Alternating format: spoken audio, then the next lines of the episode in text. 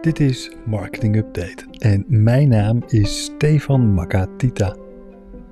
Als gastschrijver op Immers onderzoek en deel ik de laatste inzichten op marketing, strategie en innovatie. In deze podcast deel ik mijn artikelen en neem ik je mee hoe jij dit concreet kan toepassen voor jouw organisatie. Happy listening.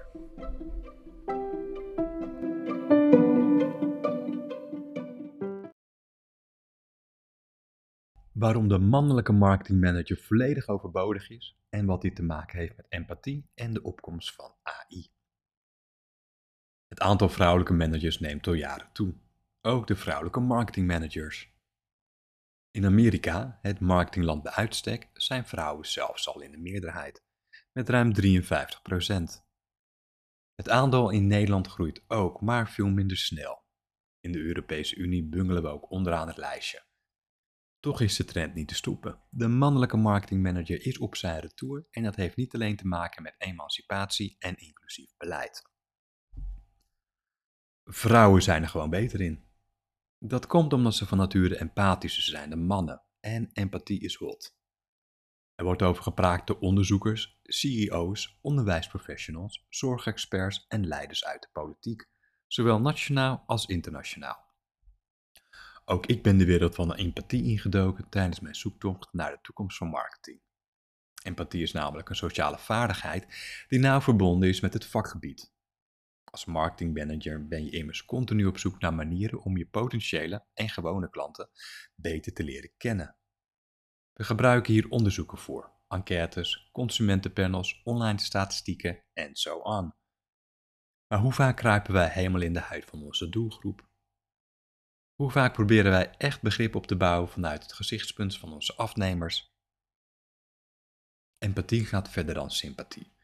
Met empathie probeer je oprecht de emotionele afstand tot je doelgroep te, verkleinen, doordat je het vermogen hebt om je inzet te verplaatsen. Bovendien is empathie geen losstaande interventie, maar een geïntegreerd onderdeel van je manier van werken en van het uitvoeren van onderzoek. Interessant kan je denken, maar wat heeft dit nou met AI te maken? Tijdens mijn onderzoek raakte ik in gesprek met Ronald Rust. Dat is een gevierd marketingprofessor die je misschien kent van zijn artikel Rethinking Marketing, wat overigens een must-read is. In een van zijn laatste publicaties beschrijft hij hoe wij langzaam overgaan naar een gevoelseconomie en waarom hij vindt dat empathie steeds belangrijker wordt voor het bepalen van onze marketingstrategie en bedrijfsvoering. Tijdens de opkomst van de industriële revolutie, dat was zo rond 1750, was de man degene die ging werken. Door hun fysieke kracht waren zij het gewilde geslacht om het zware werk te verrichten in de fabrieken. De vrouw bleef thuis om voor het gezin te zorgen. In de jaren 70, door de opkomst van de computerchip, werd fysiek arbeid gedevalueerd. Het was het begin van de denkeconomie. Nadenken werd de meest gewaardeerde menselijke vaardigheid en daarin verschillen mannen niet wezenlijk van vrouwen. Voor deze en vele andere ontwikkelingen werd de rol van de vrouw op de arbeidsmarkt daarom steeds groter. Maar langzaamaan beginnen er barsten te ontstaan in de denkeconomie en dat is direct te linken aan de opkomst van AI, Artificial Intelligence. Dat is bezig om een indrukwekkende opmars te maken in het denken. De economische waarde van het menselijke denken komt daarmee in het gedrang. En uiteindelijk zal AI zelfs alle intuïtieve denktaken overnemen met het gevolg dat mensen zich vanaf dat punt alleen nog kunnen onderscheiden als het gaat om emotie, empathie en het aangaan en aanhouden van interpersoonlijke relaties. We stappen over van een denkeconomie naar een gevoelseconomie. Dat is een economie waarin AI zich specialiseert in denken de mens zich specialiseert in voelen, en je voelt hem aankomen, de vrouw het wilde geslacht is. Een simpele berekening laat zien dat we dit punt zullen bereiken in 2045.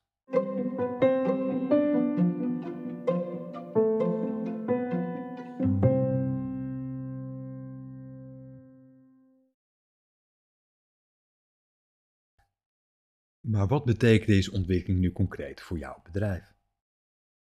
Deze ontwikkeling heeft gevolgen voor marketing, maar ook voor de manier waarop we organisaties aansturen. En daar kunnen we alvast op voor sorteren.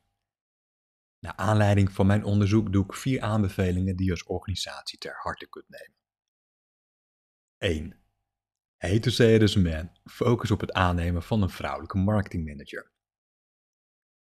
Wat opvalt is dat vrouwen zich beter in kunnen leven dan mannen. Verklaringen kan je vinden in hersenpatronen, historie, hormonen en ook in culturele verwachtingen. Op basis daarvan kan je concluderen dat het de vrouwelijke natuur is om zich empathischer op te willen stellen. Vrouwen zijn beter in het tonen van medeleven, het interpersoonlijk handelen en het zoeken naar een emotionele band. Ze zijn bovendien in het voordeel als het gaat om het waarnemen van emoties, ze begrijpen en er op een gepaste manier op te reageren. Deze emotionele intelligentie is inherent aan sociaal gedrag. Bij mannen werkt het anders. Hoewel zij best een poging willen wagen om zich empathischer op te stellen, doen ze dit vooral als het financieel iets oplevert of als ze daarmee indruk kunnen maken op de vrouwen. Man, we're doomed. Voor wie het niet gelooft, deze ontwikkeling is al zichtbaar.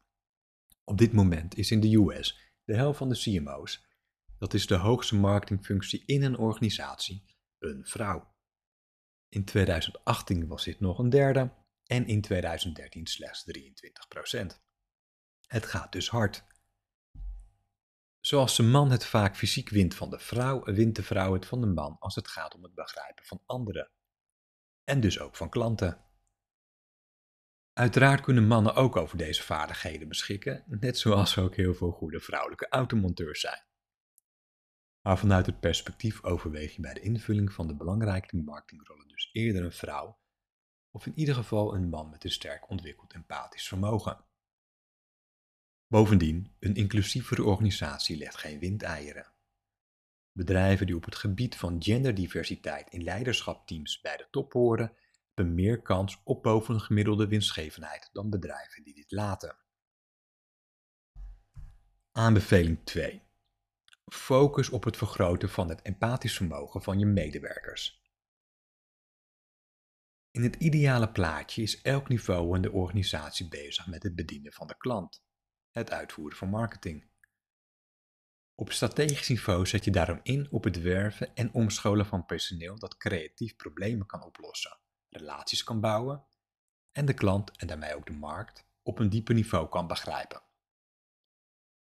Mijn ervaring is dat medewerkers die meer empathisch zijn, innovatievere producten en diensten maken. Het om- en bijscholen van personeel bevordert op die manier de continuïteit van de organisatie. Op het operationele niveau vervangt AI het regulier en routinematige werk van de klantenservice-medewerker. Deze medewerker kan zich nog onderscheiden door inleving en empathie. Vanuit marketingsperspectief is dit een essentieel onderdeel van de klantbeleving. Er is niets vervelenders dan een bedrijf dat jou niet hoort of begrijpt. En er zijn nog meer disciplines binnen een organisatie die gebaat zijn bij een empathische inborst. Neem productontwikkeling of RD.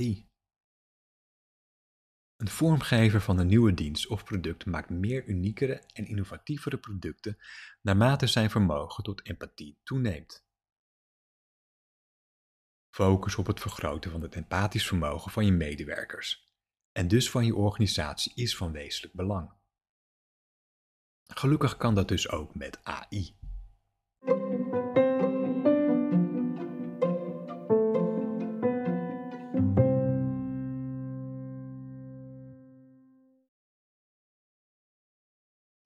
Aanbeveling 3. Zet ook bij implementatie van AI en doorgaande automatisering de klant centraal. Wie kent niet de chatbot die geen snors begrijpt van je vraag? Of de situatie dat je jezelf meerdere malen moet identificeren bij een organisatie?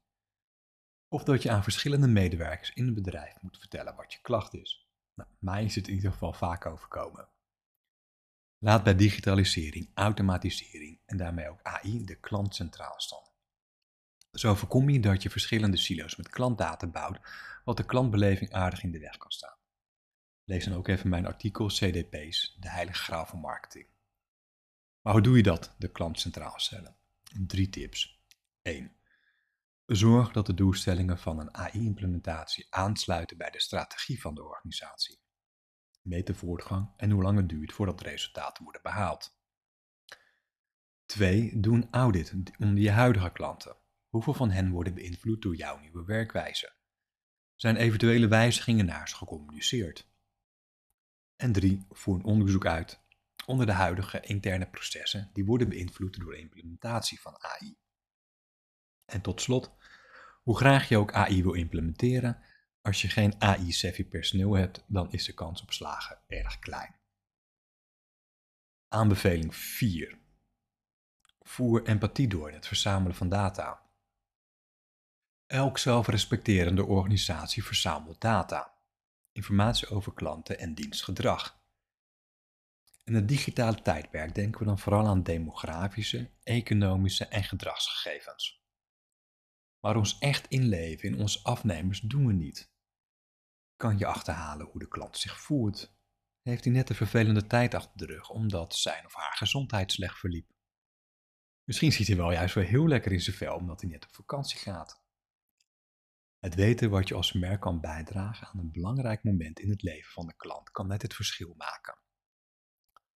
Veel bedrijven vergeten in marktonderzoek deze informatie uit te vragen en zetten voornamelijk in op harde verkoop.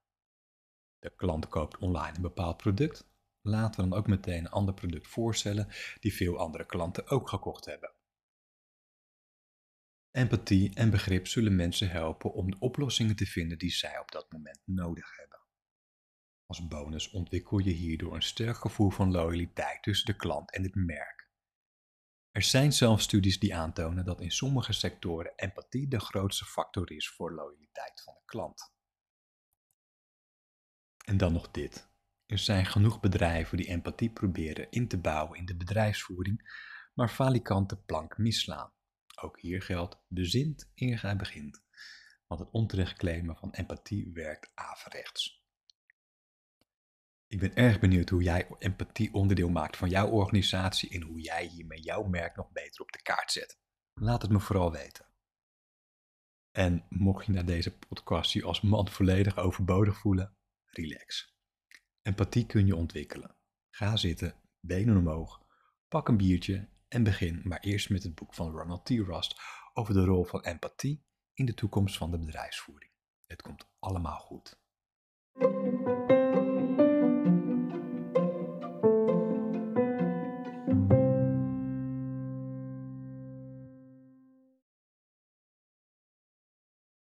Je bent op het eind gekomen, wat leuk! Je leest de uitgeschreven versie in de link van de tekst van deze aflevering. Je vindt daar ook de bronnen die ik heb gebruikt.